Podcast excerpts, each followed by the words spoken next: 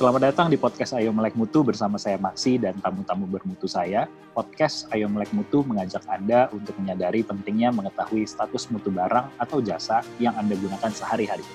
Podcast ini dipersembahkan oleh Mutu Internasional, perusahaan yang bergerak di bidang sertifikasi, pengujian, serta inspeksi barang dan jasa.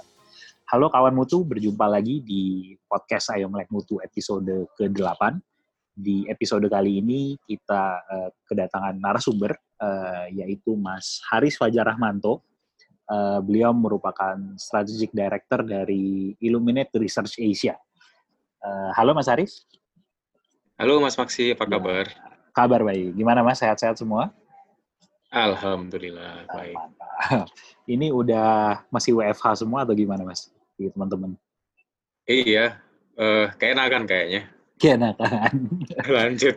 Lanjut. Jadi new normal itu malah ini ya, susah bergerak dari susah re, bergerak dari rebahan gitu ya. Takut sebenarnya ya, bukan susah ya. Iya.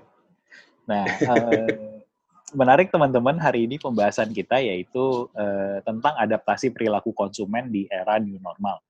Nah, tapi sebelum kita membahas topik ini, mungkin boleh dijelasin sedikit, Mas. Uh, Illuminate Research Asia ini apa sih? Lembaga atau institusi apa sih sebenarnya dia? Iya, baik. Jadi Illuminate Research Asia, tempat saya bekerja, adalah sebuah perusahaan riset pemasaran. Jadi okay. uh, eh, kami mengerjakan uh, proyek-proyek riset marketing untuk berbagai sektor ya, dari hmm. consumer goods, kemudian farmasi, hmm. dari komunikasi, teknologi, keuangan dan segala macam gitu. Yeah. Jadi uh, kalau di riset kan kita mengenal metodologi kayak riset kualitatif, riset yeah. kuantitatif, gitu. Ya hal-hal seperti itu yang kami lakukan. Jadi sehari-hari berusaha untuk memahami, uh, menyelami pola pikir konsumen. Apalagi dalam kondisi kayak sekarang nih, pandemi hmm. itu jadi objek yang menarik untuk diteliti. Hmm, hmm. Dan apa namanya eh, fokusnya memang biasanya uh, perilaku konsumen seperti itu ya mas ya? Betul, khususnya di perilaku konsumen. Emang ada riset industrial juga, tapi bukan jadi uh, fokus utama kami. Jadi memang fokusnya lebih ke riset konsumen. Hmm, Oke, okay. biasanya tuh uh, apa ya istilahnya use case-nya itu atau biasanya dipakainya tuh buat gimana sih mas? Misalnya suatu uh, brand atau perusahaan gitu pengen ngapain sih sampai mereka harus riset gitu? Iya, macam-macam ya penggunanya ya. Jadi hmm. uh, dari misalnya awal mau nyari ide bikin usaha itu kan juga kita hmm. perlu riset kan. Um, Oke. Okay. Kira-kira prospek bisnisnya seperti apa, penerimaan ide saya terhadap uh, di, di konsumen seperti apa, atau bahkan kalau belum punya ide kan juga bisa kita gali dari kita uh, riset ke konsumen. Hmm. Atau kalaupun kita sudah punya um, ide produk gitu ya atau ide usaha kemudian hmm. dites itu juga bisa atau kita sudah running bisnisnya udah punya brand kemudian kita mau komunikasi mau cari positioning mau cari hmm. uh, strategi pemasaran nah itu juga biasanya kita uh, melakukan riset konsumen untuk memahami kira-kira kalau saya membuat strategi uh, untuk brand gitu ya misalnya untuk hmm. brand hmm. positioning hmm. Uh, kan positioning itu harus relevan tentunya kan untuk konsumen Betul. kita, tapi Betul. juga harus unik. Uh, unik dalam artian jangan sampai uh, brand kita itu nanti sama kayak brand-brand yang udah ada di pasaran. Hmm, hmm. Itu beberapa aplikasinya. Tapi sebenarnya di setiap aktivitas marketing hmm. itu tentunya kita membutuhkan uh, riset konsumen sebenarnya karena kan hmm. ya setiap touch point kita dengan konsumen kita perlu memastikan itu uh, efektif ya. Hmm, ya benar-benar. Jadi supaya uh, apa yang kita pengenin sebagai yang punya merek gitu bisa tanda kutip sama atau atau apa yang ada di kepala orang itu bisa sesuai dengan yang maunya kita gitu ya mas betul jadi apa yang kita buat tuh emang kan kalau bicara teori marketing klasik itu kan hmm. kalau dulu kan or, um, zaman Henry Ford itu uh, kita membuat sesuatu yang kita bisa gitu ya jadi Betul. konsumen suka nggak suka ya udah uh, itu aja yang pakai gitu kan. Hmm. kayak dia hmm. bilang uh, you can choose any color uh, you want as long as it's black gitu. kan istilah Henry Ford. Iya, iya. Tapi kan zaman sekarang nggak bisa gitu. Uh, ya, ya. Yang kita bisa lakukan sebagai marketer adalah kita membuat apa yang dibutuhkan sama konsumen. Jadi hmm. uh, cara lama untuk nge-push gitu ya, uh, kalau ingat dulu ada taktik sales yang uh, hard selling gitu kan, hmm. memaksa orang untuk beli, uh, hmm. bahkan sampai manipulasi, nah itu kan hmm. udah basi. Hmm. Jadi hmm. sekarang udah berbalik, perusahaan harus berorientasi ke konsumen. Hmm. Plus uh, konsumen atau audiens sekarang itu semakin ribet lagi ya gitu ya. Betul, semakin ribet, semakin terkoneksi pastinya ya, hmm. uh, hmm. udah hyper connected. Hmm. Kemudian um, walaupun sekarang uh, ada istilah kayak milenial, hmm. Gen Z, hmm. terus Gen X gitu, tapi sebenarnya kan nggak sesimpel itu mem hmm. memilah-milah konsumen gitu ya. Uh, bayangin aja misalnya milenial itu kan berapa miliar penduduk dunia gitu. di Indonesia tuh berapa berapa ratus juta orang yang masuk kategori milenial. Masa ya perilakunya sama semua? Yeah, gitu kan? yeah, yeah. Milenial di Jakarta dengan milenial di uh, Sorowako gitu misalnya, pasti perilakunya beda. Jadi yeah. Iya. uh, betul. Jadi milenial juga perlu segmentasi lagi sebenarnya, hmm. perlu perlu didalami gitu perbedaannya seperti apa. Gitu. Hmm, ya, ya. Ditambah dengan kondisi uh, pandemi saat ini gitu ya. Betul. Hmm. Jadi, nah itu juga menarik. Kebetulan hmm. kami berusaha meneliti kan sekarang banyak banget hmm. prediksi gitu ya. Um, hmm. Nanti perilaku konsumen akan berubah selamanya setelah yeah. pandemi. Yeah. Uh, lumayan bombastis kadang-kadang prediksinya. Jadi Betul. Uh, kita sebagai orang marketing kan suka kelimpungan. Wah, ntar produk saya nggak relevan lagi. Nanti hmm. konsumen saya kabur. Nanti kalau saya telat antisipasi gimana? Jadi hmm. kami juga tertarik untuk berusaha memahami apa benar sih um, apa ya, klaim-klaim itu bahwa hmm. prediksi A, prediksi B bahwa dunia akan berubah selamanya tuh hmm. kejadian nggak hmm. sih gitu. Hmm. Dan temuan risetnya gimana mas? ya itu itu uh, itu menarik karena um, banyak banget. Jadi tadinya kita juga mau ngeriset perubahan perilakunya, tapi kan sekarang hmm. hampir semuanya melakukan riset yang sama. Hmm. Jadi institusi A bikin penelitian mengenai perubahan perilaku konsumen. Jadi mm -hmm. sekian persen bilang mereka akan terus belanja lewat e-commerce gitu misalnya kan itu paling banyak tuh ya biasanya kan studi, uh, studinya. Mm -hmm. Terus sekian persen bilang mereka akan terus masak dari rumah. Terus yeah, yeah. sekian sekian persen konsumen uh, akan uh, fokus ke personal hygiene, dia akan terus cuci tangan dan pakai masker yeah. walaupun pandemi berakhir gitu. Yeah. Uh, banyak lah yang studi-studi kayak gitu. Saya rasa hmm. kalau hmm. cari di internet pasti gampang deh nemu. Hmm. Hmm. Jadi akhirnya kami kepikiran kayaknya kalau kita bikin studi kayak gitu apa bedanya gitu dengan yang udah ada nggak ada nilai tambahnya. Betul Jadi, betul. Kami justru berusaha mendalami gitu karena ada ada uh, salah satu apa ahli marketing ya di namanya Profesor uh, Richard Shotton. Nah, dia bilang uh. prediksi-prediksi kayak gitu tuh lebay itu berlebihan gitu karena hmm. itu mah mainannya konsultan aja biar biar kliennya takut biar biar ada yang diselesaikan gitu ya konsultan kan bergerak betul. dari masalah ya iya betul hmm. membuatkan masalah kita iya. bercanda kalau itu jadi, uh, jadi um, saya jadi tertarik mikir bener nggak sih sebenarnya klaim-klaim hmm. kan rata-rata berbasis dari studi konsumen ya jadi ya, ya, betul. Um, kalau kita ingat zaman bikin tesis gitu kan Hmm. Apakah menurut Anda perilaku Anda akan berlanjut setelah pandemi gitu kan risetnya hmm. biasanya kan ada pertanyaan seperti itu. Hmm. Hmm. Misalnya uh, apakah seberapa sering Anda mencuci tangan hari ini? Yeah, yeah. Cuci tangan saya saya sekarang setiap jam cuci tangan gitu misalnya. Hmm. Hmm. Terus hmm. pertanyaan berikutnya kan uh, setelah pandemi berakhir apakah Anda akan melanjutkan kebiasaan cuci tangan ini? Hmm. Hmm. Nah, kelemahan dari pertanyaan itu kan konsumen tidak bisa memprediksi um, perilaku dia di masa depan. Jadi hmm. kita aja juga nggak tahu kan yeah. uh, besok saya mau ngapain, mau makan apa juga betul uh, belum tahu gitu ya. Betul. Jadi kalau kita diminta memprediksi perilaku kita di masa depan itu hmm.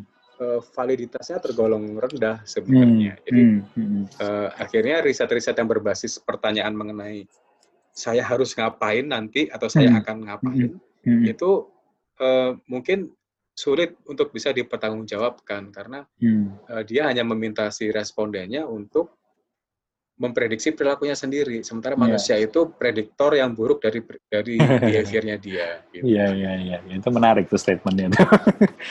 Kadang kita nggak iya. kita sendiri nggak. Contoh gampang gini mas. Betul. Contoh gampang gini mas, uh, resolusi tahun baru. Berapa persen sih resolusi tahun baru yang benar-benar dilakuin? Oke, dari lima tahun sama terus gitu ya resolusinya.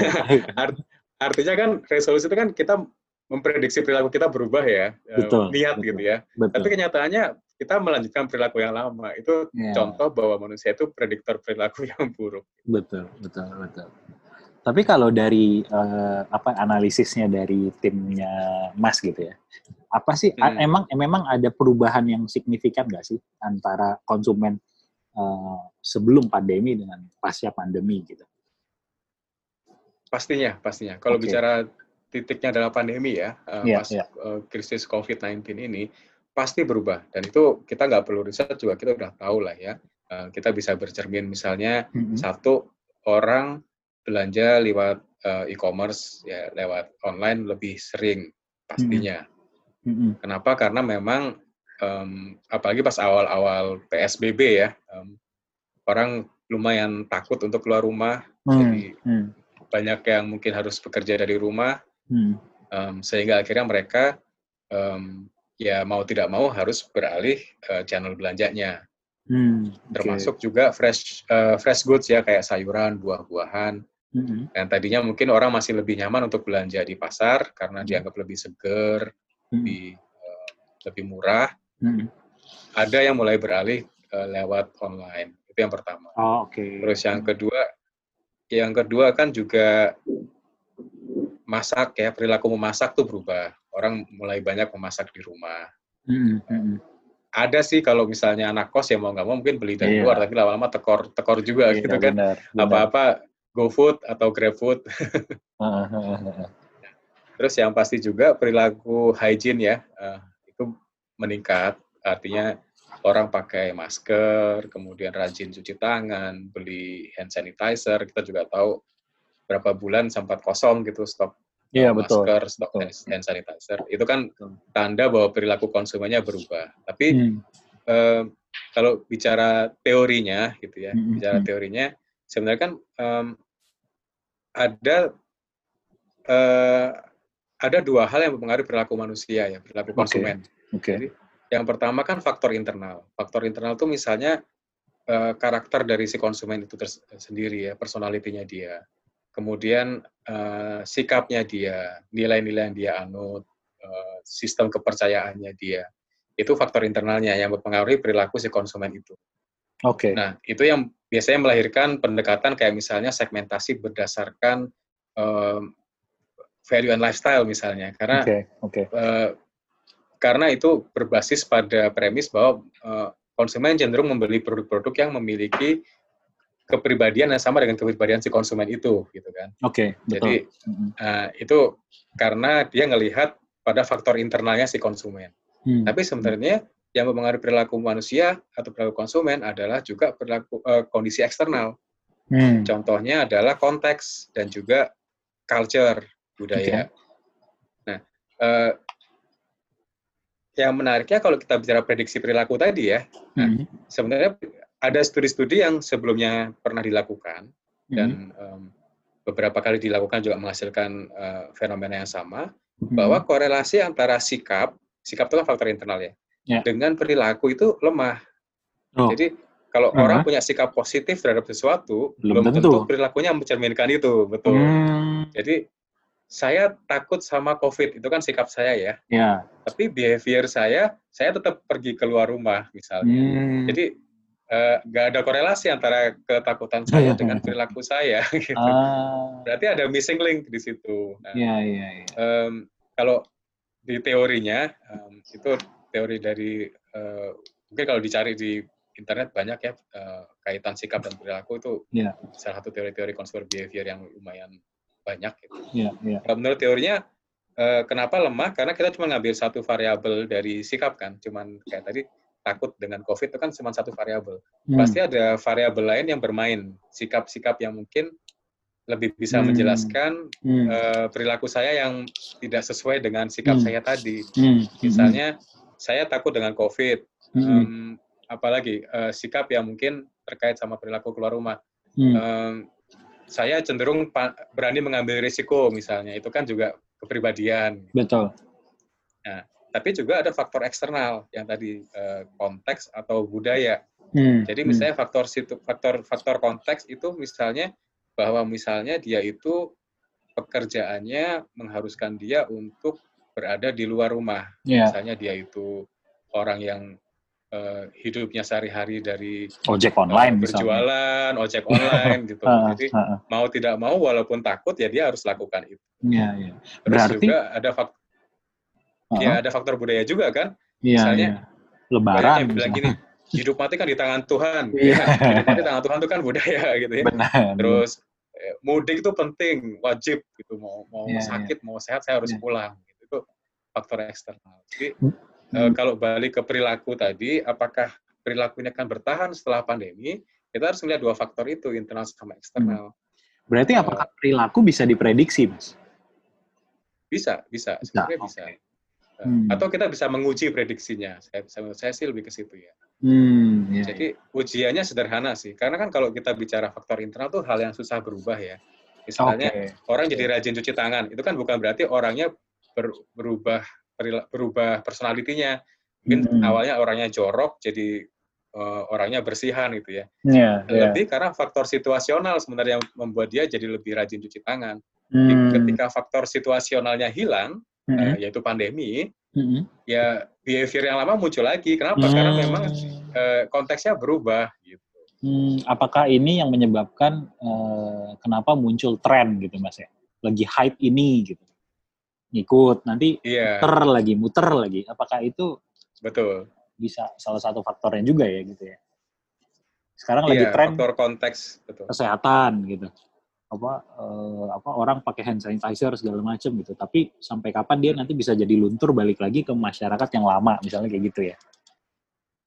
Betul, karena uh, kalau tren itu kan kita bicara soal budaya ya. Itu udah pembahasan okay. yang lebih luas lagi gitu ya, okay. analis, uh, okay. studi soal budaya. Hmm. Um, itu juga faktor yang banyak mempengaruhi perilaku konsumen secara bawah sadar. Jadi um, ya hmm. ujuk-ujuk kok rame-rame dalgona coffee gitu kan. Iya betul. ya, itu kan tren ya sebenarnya, tapi ya sesaat aja, mungkin cuma jalan dua minggu. Hmm. Jadi itu yeah, faktor yeah. yang sifatnya sangat eksternal, nggak ada hubungannya dengan uh, karakter hmm. si konsumennya. Yang lebih menetap itu sikap atau perilaku, mas?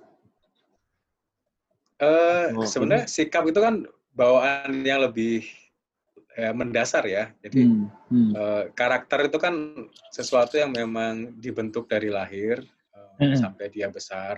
Hmm. Jadi um, untuk manusia mengubah karakter dia itu kan perlu event effort. yang mungkin lumayan ya effort atau event yang besar gitu oh, yang okay. mengubah mengubah sikap dia gitu. Kayak misalnya uh, sikapnya misalnya tadi cuek ya terhadap kesehatan. Tapi hmm. karena tiba-tiba dia jatuh sakit, gitu misalnya kena serangan jantung nah hmm. jadi jauh lebih concern dengan kesehatan jadi hmm. uh, perubahan sikap itu sebenarnya muncul karena situasinya kan memaksa hmm. dia berubah uh, hmm. sikapnya hmm. sementara jadi, kalau sikap perilaku mulai menetap sih perilaku itu kan turunan ya uh, hasil dari kombinasi faktor yeah. internal dan eksternal tadi iya yeah, iya yeah, yeah. jadi kalau bicara perilaku konsumen kita harus melihat kedua faktor itu cuman sayangnya kita sering mengatribusikan perilaku konsumen itu hanya ke faktor internal bahwa misalnya hmm. oh sekarang orang-orang tuh jadi rajin cuci tangan berarti orang-orang sekarang jadi lebih sadar kesehatan yeah, iya. sebenarnya bukan sadar kesehatan cuman situasinya yang memaksa dia harus cuci tangan nah uh. cuci tangan cuci tangan apakah berlanjut ya lihat aja budaya orang Indonesia uh, budaya orang Indonesia seperti apa uh, hmm. di kondisi normal ya Hmm. Uh, nanti hmm. setelah pandemi mungkin tiga bulan empat bulan lagi selesai, apakah orang cuci tangan uh, secara rutin seperti seperti hmm. sekarang? Hmm. Saya sih nggak yakin gitu. Hmm, ya, ya, ya, ya. Karena kan misalnya kalau teman-teman punya produk atau punya barang atau jasa yang mau dibuat atau dijual gitu kan, biasanya kan yeah. akan ngikutin kan, oh ini sekarang uh, situasinya orang lagi suka kesehatan nih gitu kan, bikin yeah. produk tentang hmm. kesehatan ah gitu ya. Hmm. Hmm. Itu disangkut pautin yeah, dengan itu, itu gitu. Betul. Dan itu emang harus pandai-pandai mengendarai momen ya. Jadi hmm. uh, kita sebenarnya kan kalau orang lumayan sensitif terhadap konteks, misalnya hmm. Januari kan di Cina udah mulai muncul tuh hmm. uh, COVID ya, uh, hmm. dia bisa antisipasi nih, uh, hmm. bikin skenario gitu. Ini kira-kira akan melebar gak nih kasusnya? Kalau udah kelihatan hmm. melebar, uh, sebelum masuk dia udah bisa antisipasi untuk uh, bikin produk yang mungkin bisa membantu orang uh, menghadapi situasi tersebut. Hmm. Cuman yang sering kejadian orang suka telat kan ngikutin tren.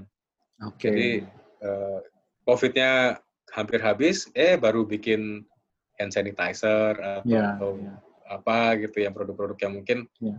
uh, cocok buat konteks uh, pandemi, tapi post pandemik perilakunya sudah berubah, produknya hmm. jadi nggak relevan lagi. Hmm. Hmm. Kalau perilaku ini tanda kutip bisa direkayasa berarti mas ya perilaku konsumen? Bisa dibentuk. Bisa ya, dibentuk. Maksudnya kita sebagai sebagai marketer um, bisa um, membentuk perilaku dalam artian menciptakan konteks ya, menciptakan konteks, okay. menciptakan atau memahami konteks terus kita mengendarainya dalam tanda kutip mm-hmm. atau melalui kita modifikasi culture-nya consumer culture. Oh, oke. Okay. Lebih dalam lagi yang di ini ya, yang Iya, di... kalau consumer culture itu kan modifikasi yang mungkin makan waktunya uh, dibilang lama banget juga enggak, tapi biasanya um, uh, enggak enggak secepat kalau misalnya kayak tren-tren sesaat gitu ya. Kalau hmm. kita budaya itu kan ada dua, uh, kalau istilahnya ada soft culture sama hard culture. Oke. Okay. Hard culture itu yang kita lihat si dalgona coffee lah, terus okay. apa dulu ada Milo kepal dan segala macam yeah, gitu. Yeah, yeah. Itu yang gampang keluar masuk. Tapi soft culture itu yang lebih di bawah, yang lebih melekat, yang lebih oh, panjang. Oh, Oke. Okay. Kalau eh, pandemi ini, Mas, menurut analisis Mas, itu sampai ke level culture nggak merubahnya? Uh, itu yang masih jadi tanda tanya ya, karena hmm. um, atau sampai level perilaku kita, aja nih kayaknya gitu kan? Iya, saya sih sejauh ini baru ngelihatnya baru di level konteks ya, dalam artian okay. perilaku yang sekarang itu dibentuk karena konteks, belum dibentuk karena culture. Oke. Okay. Jadi um, kita perlu ngelihat apakah um, misalnya nih paling simpel ya tanda-tanda sederhana ya. Hmm. Uh, pandemi itu kan sebenarnya memaksa orang untuk patuh ya. Hmm. Nah, ternyata kan um, banyak sekali kita lihat orang walaupun PSBB masih beredar di jalanan, yeah, banyak yeah. yang nggak mau pakai masker, itu kan yeah. produk budaya juga. Yeah, iya. nah, yeah. dengan kondisi kayak gitu, um, saya belum melihat pandemi ini merubah budaya itu, gitu. Nggak nggak hmm. cukup, ternyata nggak cukup kuat untuk uh -huh. bisa membentuk budaya yang baru sejauh yeah. ini. Ya, Oke. Okay. Uh, ini yang uh, menarik kalau nggak salah itu seperti di Jepang gitu ya. Mereka katanya kalau keluar rumah memang sudah budayanya pakai masker gitu. Jadi ketika Betul. mereka menghadapi hal ini, mereka jadi nggak korbannya juga nggak terlalu nggak terlalu ini katanya gitu ya.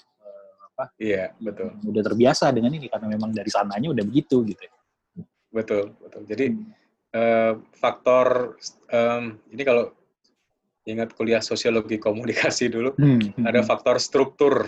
Uh, hmm. Struktur itu artinya um, seberapa kuat struktur um, apa ya um, kekuasaan itu membentuk hmm. um, perilakunya orang gitu atau hmm. membentuk budayanya. Hmm. Jadi kalau misalnya sistem reward and punishment-nya kuat gitu ya kayak hmm. di Jepang atau di Singapura kalau orang nggak pakai masker bisa kena denda. Nah, tentunya budayanya akan cepat terbentuk. Tapi kalau uh, struktur powernya itu mungkin nggak terlalu kuat kayak di sini, orang bisa misalnya nggak pakai helm juga bisa hmm. lolos gitu kan, atau nggak hmm. pakai masker juga nggak didenda, ya hmm. akhirnya budayanya akan lumayan lama tuh berubahnya. Hmm, ya, ya, ya. Berarti kalau teman-teman misalnya punya produk atau pengen memasarkan produk gitu, penting untuk mengenal budaya di tempat di mana target pasarnya gitu ya. Betul. Jadi uh, kalau bicara balik ke COVID ya, iya. uh, tidak salah sih bikin produk untuk memanfaatkan momen COVID ya. Hmm. Um, dalam tanda kutip memanfaatkan mungkin istilah yang jelek ya, uh, yang Iya. Membantu orang iya. untuk melalui COVID lah gitu ya. Iya. Cuman kita harus paham bahwa itu tidak akan berlangsung selamanya. Iya, betul. Produksi hand sanitizer bukan, bukan segitu-segitu terus gitu ya. Iya. Betul. Kayak orang jualan martabak kekinian lah, itu hmm. pasti ada momennya itu akan berlalu gitu ya. Karena kita yeah. tahu itu cuma tren sesaat. Ini juga sama nih. Hmm. Uh, tinggal kita bisa memprediksi COVID-nya mau bertahan berapa lama di sini. Yeah. Nah, um, kita harus harus harus siap bahwa nanti orang akan berubah lagi perilakunya ketika uh, situasi, ketika konteksnya sudah berubah, ketika hmm. sudah dilonggarkan, hmm. kasus-kasusnya makin sedikit, orang hmm. mulai ngerasa kayaknya nggak pakai hand sanitizer juga baik-baik aja gitu ya. Hmm. Atau kayaknya kasus-kasus kayak gini nggak muncul di sekitaran saya, nah mereka mulai melonggarkan kewaspadaan. Nah, di situlah mungkin produk-produk yang lumayan jalan pas COVID akan turun. Nah, kita harus antisipasi, berarti post-COVID itu perilakunya nanti akan gimana. Hmm. Dan oh, kalau bacaan dari timnya Mas, apa yang fundamental yang akan berubah gitu Mas? Yang berasa banget gitu perilakunya? Uh, yang pasti, yang pasti kan masalahnya masalah ekonomi ya yang muncul setelah ini ya. Jadi hmm. Hmm. Uh, setelah uh, pandemi ini hmm. yang kita harus hadapi berikutnya kan resesi. Oke. Okay. Hmm. Nah, itu mungkin sudah sudah hal yang uh, lazim terjadi gitu. Hmm. Jadi um, ya kita harus siap-siap kalau konsumen menghadapi resesi itu akan seperti apa perilakunya. Nah, hmm. Itu yang hmm. mungkin bisa menggambarkan antisipasi kita ke depan. Hmm. Jadi uh, kalau itu kan learningnya banyak ya, resesi kan sudah beberapa kali terjadi, misalnya di Indonesia tahun tahun 98 yeah. ada resesi. Yeah. Kita juga bisa belajar, oke okay, kalau di hmm. kalau konsumen di saat resesi produk-produk apa yang masih dikonsumsi, apa hmm. yang mungkin kurang konsumsinya hmm. atau ditinggalkan sama konsumen. Hmm. Oke, okay. Mas kalau Jadi yang fundamental sebenarnya ya hmm. Uh, perubahan fundamental menurut saya uh, balik lagi tergantung konteks. Kalau kondisinya resesi, ya itulah yang kita harus lihat gitu. Hmm. Hmm. Apa yang akan terjadi nanti. Hmm. Kalau misalnya kan uh, berubah uh, kayak tadi misalnya orang sekarang menjadi lebih uh, pakai hand sanitizer, menjaga kesehatan segala macam, uh, dirasa memang masih belum sampai merubah uh, culture-nya atau budayanya gitu. Uh, itu kan hmm. karena karena ada dia butuh effort yang lebih ya, maksudnya tanda kutip lebih nggak enak gitu. Nah, tapi gimana kasusnya mas hmm. kalau dengan perubahan tapi yang bikin enak misalnya, misalnya jadi nggak perlu keluar kantor hmm. atau eh sorry nggak perlu keluar yeah. rumah untuk kantor jadi kayak apa bisa bisa rebahan aja gitu. Nah, apakah itu yeah. jadi budaya atau itu hanya perilaku aja yang berubah tuh? Bisa aja kalau itu misalnya disepakati bersama-sama kan. Hmm. Itu kan kesepakatan bersama ya. Hmm. Jadi oke okay lah ternyata kantor ngerasain kalau orang-orang kerja di rumah jadi lebih produktif misalnya. Hmm. Um, kita sepakati itu jadi uh, budaya hmm. kerja yang baru di, hmm. di kantor kita kalau semakin banyak kantor yang me menjalankan hal serupa dan jadi norma gitu ya bahwa oh di Indonesia nantinya um, misalnya orang bisa work from home satu hari seminggu hmm. nah itu udah jadi budaya baru jadi hmm. memang perlu perlu reinforcement gitu perlu kesepakatan bersama dulu sebelum itu terjadi hmm. karena saya takutnya kalau misalnya nah, yang uh, kalau misalnya dapat benefit dari situ malah itu dengan sangat mudah diadaptasi jadi suatu yang budaya gitu kan. Betul, dan uh, itu kan pertanyaannya kan apakah itu pain atau gain kan buat Iya, gitu betul. Ya. Orang kan lebih merespon ke gain dibanding ke pain gitu ya. Jadi kalau perubahannya menguntungkan ya mungkin cepat-cepat dipertahankan. Iya, iya, iya. Sama saya rasa juga mungkin perubahan perilakunya kita juga mesti ngeliat uh, seberapa jauh simpangannya dari kondisi normal. Jadi okay. kalau normalnya orang itu memang misalnya rajin cuci tangan, mm-hmm. terus jadi agak lebih rajin, berarti kan sebenarnya simpangannya eh, nggak uh, terlalu jauh ya. Yeah. Jadi mungkin perilaku baru itu masih bisa diadopsi sama dia. Tapi kalau simpangannya lumayan jauh tuh, misalnya biasanya makan di restoran, mm-hmm. terus sekarang dipaksa harus tinggal di rumah, um, masak di sendiri, mm-hmm. nah itu kan uh, simpangan yang mungkin udah di luar simpangan baku gitu kasarannya. Betul. Jadi terlalu jauh. Begitu selesai pandemi mungkin orang akan segera langsung pergi ke restoran gitu karena hmm. itu sesuatu yang yang normal buat dia. Makanya kayak sekarang mall dibuka orang berbondong-bondong ke mall gitu ya. Yeah. Itu karena sesuatu yang nggak normal buat dia nggak pergi ke mall. Hmm. Dilihat jadi suatu pelampiasan gitu ya untuk. Betul karena uh, itu perubahan perilaku yang drastis gitu kan yang ya tadi ada painnya juga nggak pergi ke mall yeah. kan orang nggak nggak bisa leisure gitu ya nggak yeah. bisa yeah. santai-santai. Ya ya oke.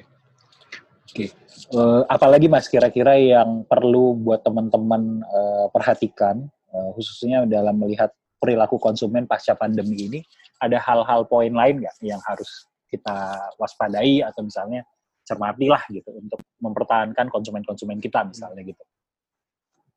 Iya. Uh, sebenarnya tergantung bisnis ya. Ter, kan kalau mau dibagi um, bisnis yang terdampak pandemi itu bisa dibagi tiga kelompok mungkin ya. Oke. Okay. Yang pertama bisnis yang pas pandemi justru meledak Ya. Misalnya kayak tadi uh, produk-produk kesehatan, hmm. uh, jualan vitamin, suplemen, ya, betul. jualan masker dan segala macam gitu, hmm. atau yang um, e-commerce misalnya.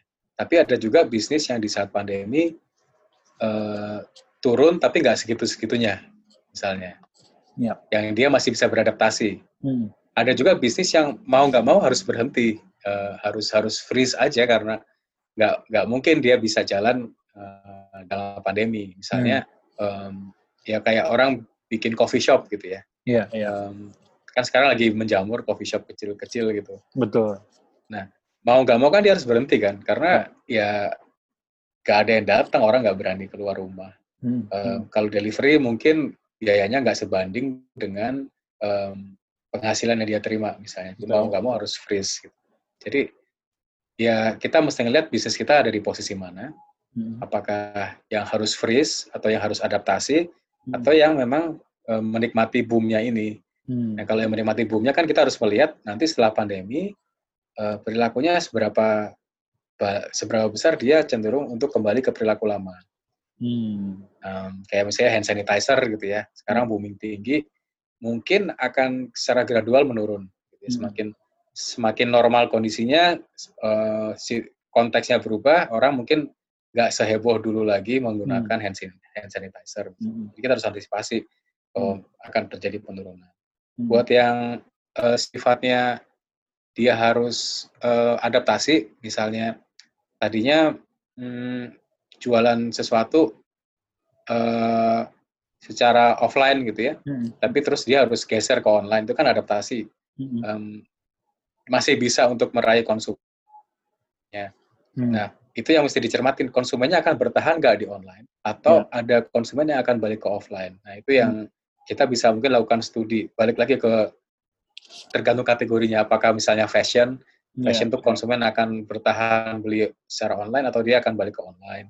Uh, hmm. beli grocery gitu ya beli beli kebutuhan sehari-hari apakah sekarang online dia akan balik ke offline? Nah hmm. itu um, perilakunya akan beda-beda tergantung dari kategori produknya.